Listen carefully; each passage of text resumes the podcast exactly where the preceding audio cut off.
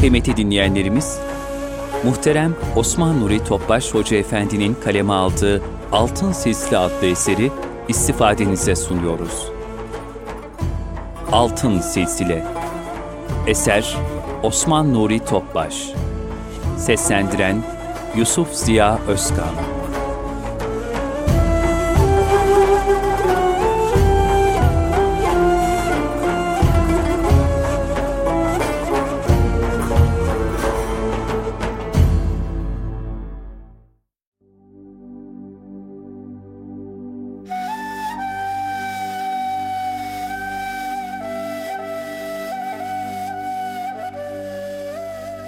Altın Oluk yayınları sunar. Altın Silsile Osman Nuri Topbaş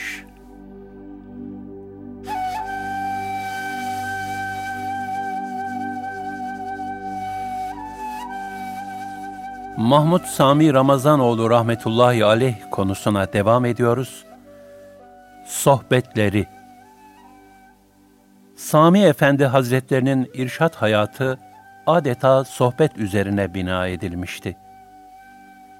Yaşadığı dönemin şartları icabı umumiyetle evlerde yapılan bu sohbetlere her kesimden insan katılırdı. Sohbetlerinde tarifsiz bir manevi iklim oluşurdu. Kendisi her fırsatta sohbet ettiği gibi manevi evlatlarına da bulundukları şehirlerde küçük bir grupla da olsa muhakkak sohbete devam etmelerini emir buyururdu. Onun bu ihlaslı gayretleriyle Anadolu'nun her köşesinde sayısız ev, birer ilim ve irfan mektebi haline gelmişti. Sohbete katılmak isteyenler sessizce gelir ve yine sessizce sohbetin başlamasını beklerlerdi. Efendi Hazretleri sohbete başlamadan önce bir aşrı şerif okunmasını işaret ederdi. Okuyacak kimse de muhakkak yukarıda oturtulur, kıraati huzurla dinlenirdi. Daha sonra Sami Efendi rahmetullahi aleyh, Peygamber Efendimiz sallallahu aleyhi ve sellem ve Sadat-ı Kiram'ın ruhu saadetlerine bir Fatiha-i Şerife ve üç İhlas-ı Şerif hediye eder ve büyük bir şevkle sohbetini ifa ederdi. Sohbetlerinde umumiyetle önündeki defter ve notlardan okur, zaman zaman bazı mevzularda şifahi izahlarda bulunurdu. Sami Efendi rahmetullahi aleyh, Kur'an ve sünnet istikametinde yaşayıp, insanları da bu istikamette yaşamaya teşvik eden bir Allah dostuydu sohbet mevzularının esasını ayet-i kerimelerin tefsiri, hadis-i şeriflerin şerhi, ashab-ı kiramın iman, sabır, tahammül ve Allah yolundaki fedakarlıkları ile Allah dostlarının örnek hayatları teşkil ederdi. Bilhassa kalbi selime dair ayet-i kerimeleri sık sık okur ve edep üzerinde çokça dururdu. Resulullah sallallahu aleyhi ve sellem Efendimizin ümmeti için fiili kıstas ve üsve-i hasene, emsalsiz örnek şahsiyet olduğunu izah edebilmek için, Siyer-i Nebi'den, ashabın fedakarlıklarından, ibadet hayatlarından, muamelatından bol bol misaller verirdi. Bu sohbetlere ve Efendi Hazretlerinden aldıkları evrat ve eskara ihlasla devam edenlerde, gözle görülür değişiklikler ve inkişaflar meydana gelirdi. Kibirden tevazuğa, katı kalplilikten merhamete, cimrilikten cömertliğe, tembellikten gayrete, korkaklıktan cesarete, kabalıktan nezakete, dağınıklıktan tertip ve düzene, acelecilikten teenniye, hırçınlıktan uysallığa, bedbinlikten nikbinliğe doğru manevi terakkiler görülürdü. Efendi Hazretleri, Kur'an-ı Kerim'i haliyle, kaliyle ve muhabbetle yaşayan bir hafız efendi geldiğinde, ona iltifat eder, yanına alır ve şöyle bir hadise anlatırdı. Adana'da bulunduğumuz günlerde bir nakli kubur zarureti olmuştu. Bu kabirlerden biri de ilmiyle amil bir hafız efendiye aitti. Takriben 60 sene evvel vefat eden bu hafız efendinin kabri açıldığında, kefeni dahi bembeyaz durmaktaydı.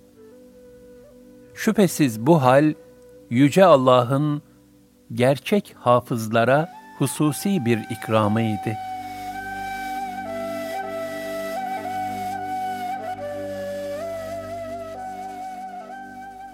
Sadıklarla beraber olun. Sami Efendi rahmetullahi aleyh birçok sohbetinde şu hadiseyi naklederdi. Beylerbeyi'nde oturan Adil Bey isminde manevi hal sahibi ve keşfe açık bir zat vardı. Zaman zaman ziyaret ederdim. Bir gün bana şu tavsiyelerde bulundu. Kendini gafillerden koru. Onlarla oturup sohbet etme. Zira kalpten kalbe inikas olur. Karşındakinin günah hali sana sirayet eder. Sirke küpünden sirke sızar, bal küpünden bal sızar.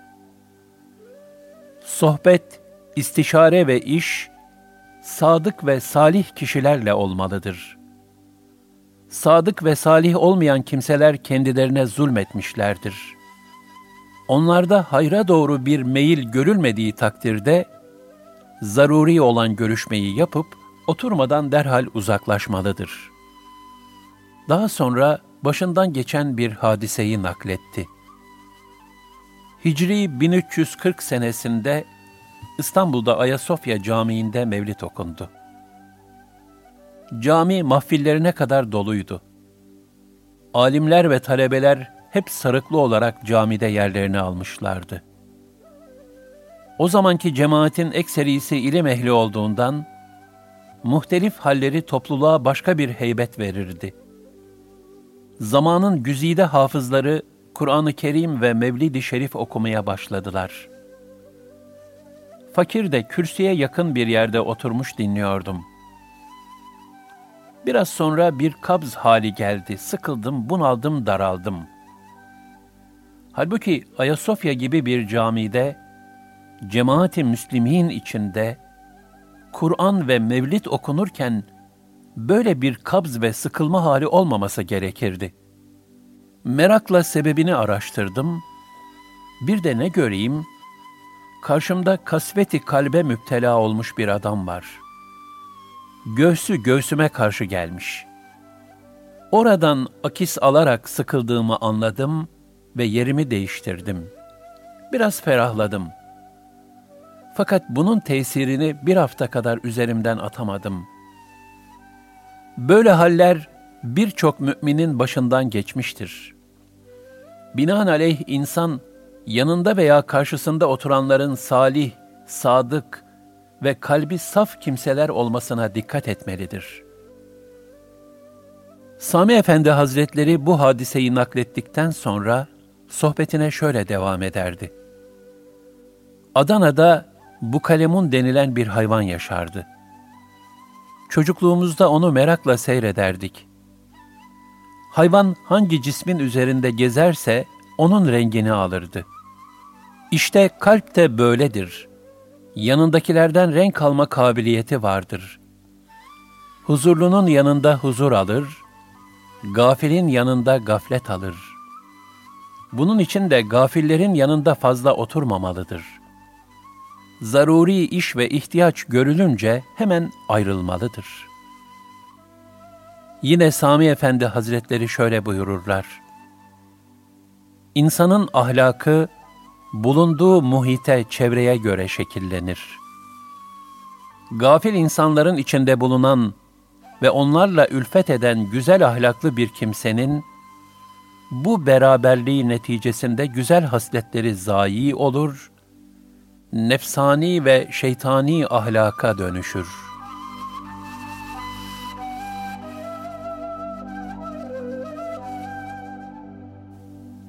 Teslimiyet Sami Efendi rahmetullahi aleyh teslimiyetten çok bahsederdi.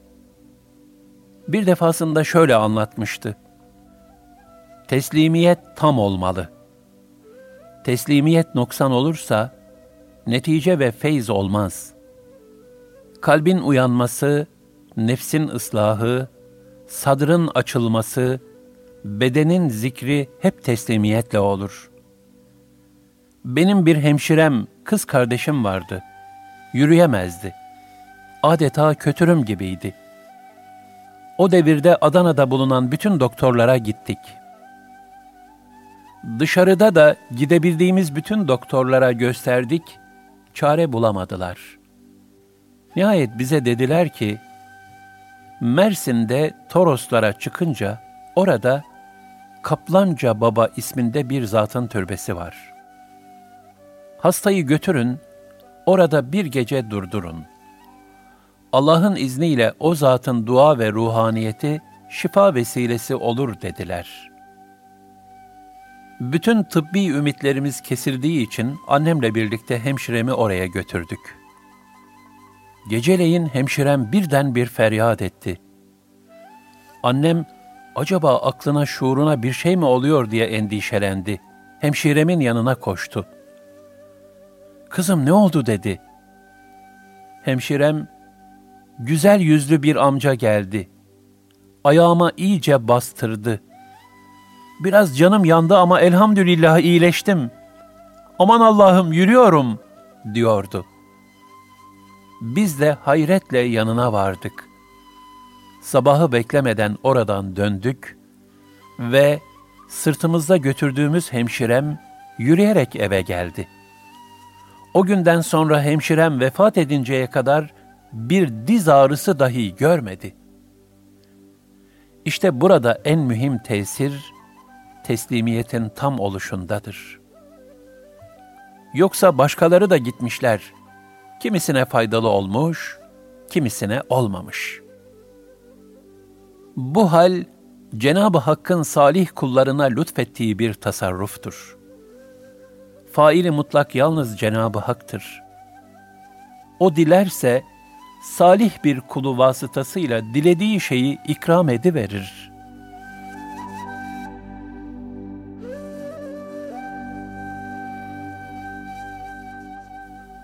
Hakiki tahsil Sami Efendi rahmetullahi aleyh, sohbetlerinde hakiki tahsilin marifetullah tahsili olduğunu anlatırdı. Allah Teala'nın azametini, büyüklüğünü kalbimizde duyup hissetmenin asıl ilim olduğunu söyler ve bu ilme sahip olmanın şerefini her vesileyle hatırlatırdı. Bir gün Efendi Hazretlerinin ziyaretine gelenlerden biri, hem Hazretin duasını almak hem de yeğenlerini tanıştırmak istemişti. Huzuruna girip el öperken, efendim bu delikanlılar Amerika'da okuyup mühendis oldular. Dualarınızı istirham ederiz diye takdim etmişti. Sami Efendi rahmetullahi aleyh ise tebessüm ederek onlara, fakir de Darül Fünun mezunuyum. Asıl tahsil marifetullahın tahsilidir buyurdu.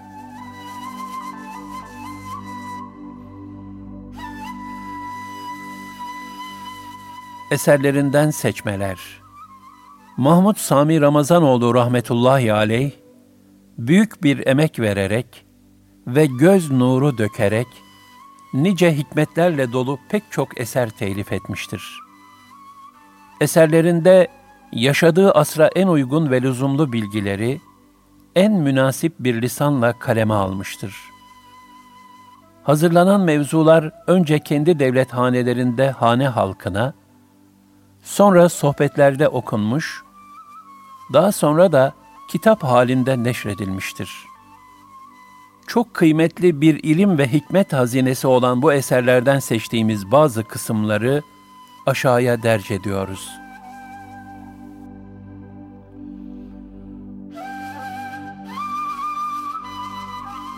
Ehli sünnet yoluna ittiba. Öğütlerin hülasası ve nasihatlerin özü şudur. dindar ve İslami hükümlere hassasiyetle riayet eden kişilerle ünsiyet kurarak beraberliği temin et. Dindarlık ve şeriate bağlılık da ancak ehli sünnet yoluna tabi olmaya bağlıdır. Zira kıyamet günü kurtuluşa erecek olan grup onlardır.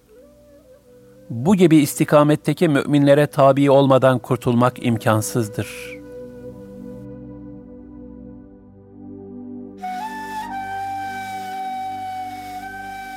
Dini ilimleri tahsil. Ey birader! Vakit ahir zamandır.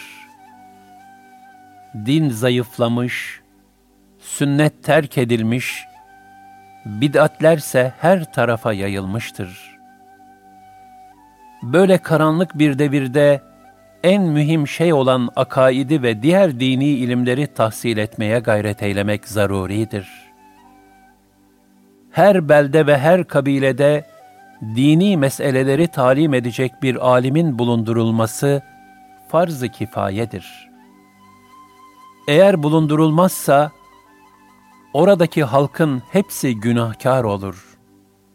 Fakat her müminin ilmi halini yani kendini ilgilendiren dini hükümleri öğrenmesi de farz-ı ayn olduğundan Bunları öğrenmeyen kimse günahkar olur. Çünkü İslam diyarında cehalet mazeret sayılmaz.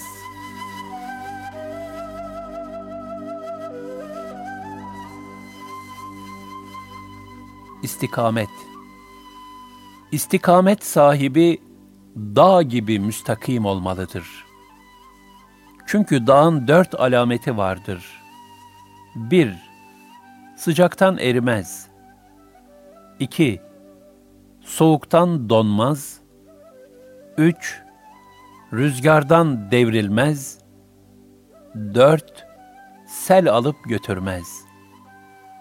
Nitekim Hazreti Ali radıyallahu an Hazreti Ebu Bekir radıyallahu anh Efendimiz'i gıyabında methederek şöyle buyurmuştur. Sen şiddetli kasırgaların bile yerinden hareket ettiremediği, kuvvetli sarsıntıların bile yok edemediği yüce bir dağ gibiydin.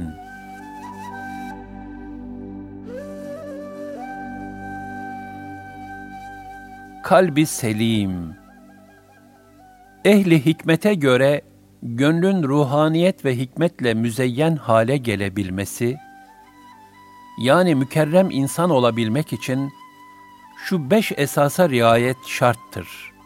1. Salih ve sadıklarla beraber olmak. 2. Manasını düşünerek çokça Kur'an-ı Kerim okumak ve namaz kılmak. 3. Oruç tutmak, az yemek, açlığa ağırlık vermek. 4.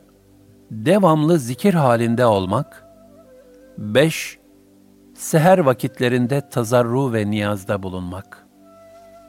Kalbi selim sahibi, dininde cehaletten, kötü ahlaktan, mal ve evladın şerrinden salim ve pak olarak huzuru ilahiye gelen kişidir.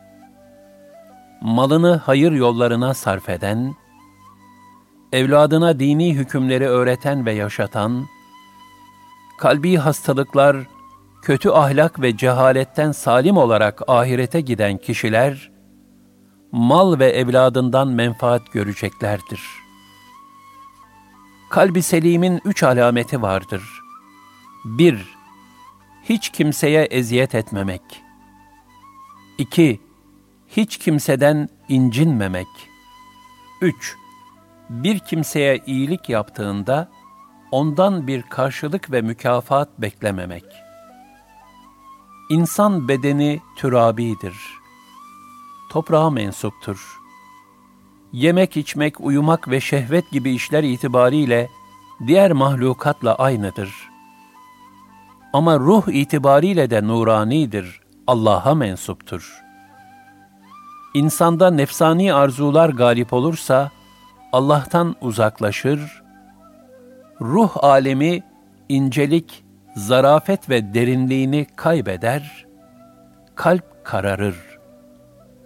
Fakat insanda ruhani hayat galip olursa Allah'a yaklaşır, kalbi de bedeni de nurlanır.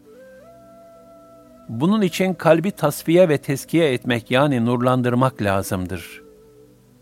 Kalp temizlenmedikçe nurlanamaz ve bu halde insan asla kalbi hastalıklardan kurtulamaz.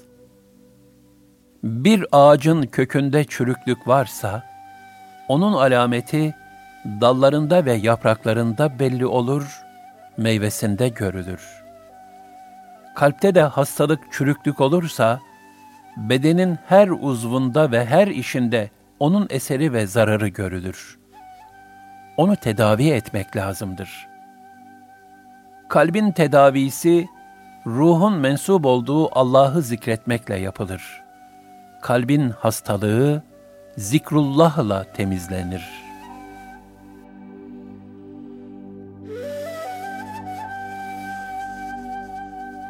Tasavvuf Tasavvuf, şeriatin adab ve erkanının kaynağıdır.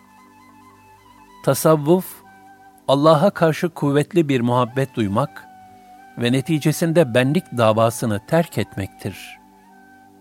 Tasavvuf, zikri daimide bulunarak Allah'tan başka her şeyden gönlü temizlemektir.''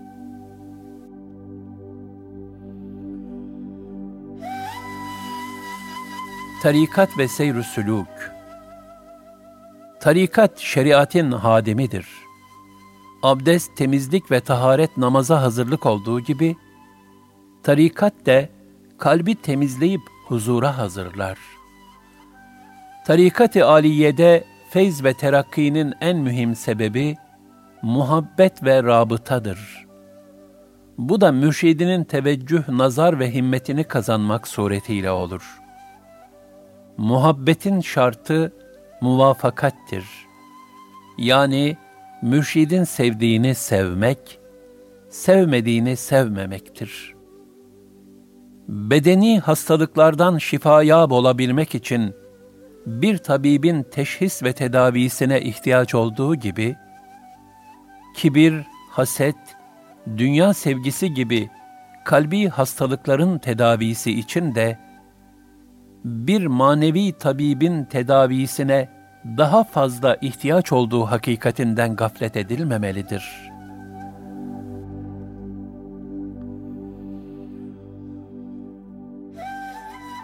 Teskiye Hakiki imanı elde edebilmek için kalbi hastalıkların izale edilmesi zaruridir. Bunun için de teskiye-i nefs zaruridir.'' nefsin emmarelikten kurtulması ancak onu teskiye ederek mutmainne makamına çıkarmakla mümkündür. O zaman imanın hakikati zuhur eder ve kuvvet bulur. Bu seviyede iman vicdani olur ki, bu kısım iman zevalden korunmuştur. Bir kişi zahiri ve cismani hastalığını tedavi etmek için gayret ettiği halde, kalbin giriftar olduğu manevi hastalıklarla ilgilenmez ve gafil davranırsa, bu nadanlıktan başka bir şey değildir. Yani cahillikten başka bir şey değildir. Hakiki manada İslam'a girebilmek, nefsi emmareyi bertaraf etmeye ve ilahi emirlere tabi olmaya bağlıdır. Binaenaleyh, nefsi mutmainneye ermeden evvel, yalnız kalbi tasdikle meydana gelen İslam'a, İslam-ı mecazi derler. Nefs, mutmainne makamına erdikten sonra olan imana da, imanı hakiki denir. Nefsi emmareye hizmet eden kişi, huzuru bariye vardığında, Cenab-ı Hak'tan mükafat talep edemez.''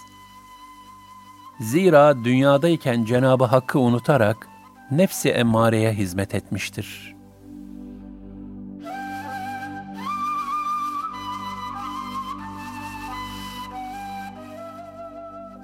Cihat Cihat iki kısma ayrılır. Küçük cihat, büyük cihat. 1. Küçük cihat, küffarla yapılan mücahede ve muharebedir. İki, büyük cihat, nefse karşı cihad etmektir ki, gönül alemini ıslah etmekten ibarettir. Muharebe zahirin ıslahıdır. Gönül alemini ıslah ise, zahiri ıslahtan daha zor ve uzundur. Küçük cihadın gayesi, cennet ve rahmete nail olmak. Büyük cihadın gayesi ise, Hak Teâlâ'yı ve cemali ilahiyi müşahedeye vasıl olmaktır. Küçük cihadın gayesi şehadet, büyük cihadın gayesi sıddıkiyettir. Sıddıklerin derecesi ise şehitlerin derecesinden üstündür. Nefisle mücadelede muvaffak olmak için zikre devam ve teslimiyet şarttır. Nefisle cihat en büyük cihattır. Çünkü o, ardı arkası kesilmeyen ve ölünceye kadar devam eden bir mücadeledir. Düşmanla mücadele, muayyen bir vakitte olup biter. Nefisle cihatsa her zaman olacaktır. Nefisle cihat, hem zikirle, hem teslimiyetle, hem ibadetle, hem de Kur'an ve sünnetin ahkamını hayatın her safhasında yaşamakla mümkün olur. Bütün düşmanlar iyilik edince dostluğa döner. Fakat nefs asla dost olmaz. Ona ne kadar iyilik edersen et, o daha çok azar ve azılı düşman olur. Onunla cihat ve mücadele de gittikçe zorlaşır. Bu sebeple nefisle cihat en büyük harptir ve hepimize farz-ı ayındır. Sami Efendi rahmetullahi aleyh, Tebük seferinden mazeretsiz olarak geri kalan sahabilerin çektiği vicdan azabı ve sıkıntılardan bahsettikten sonra şöyle buyurur.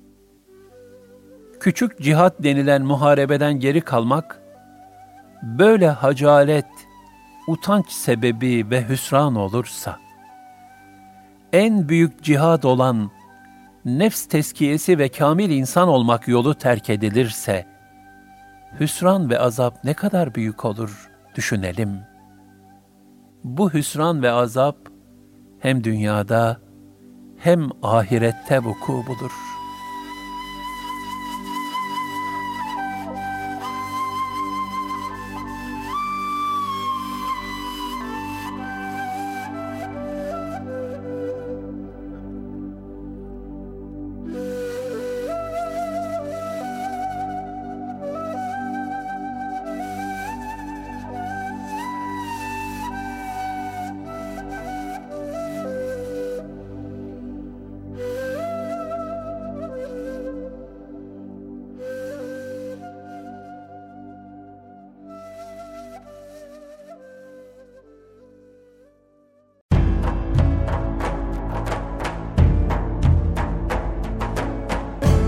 Kalbin Sesi Erkam Radyo'da muhterem Osman Nuri Topbaş Hoca Efendi'nin kaleme aldığı, Yusuf Ziya Özkan'ın seslendirdiği Altın Sisli adlı eseri dinlediniz.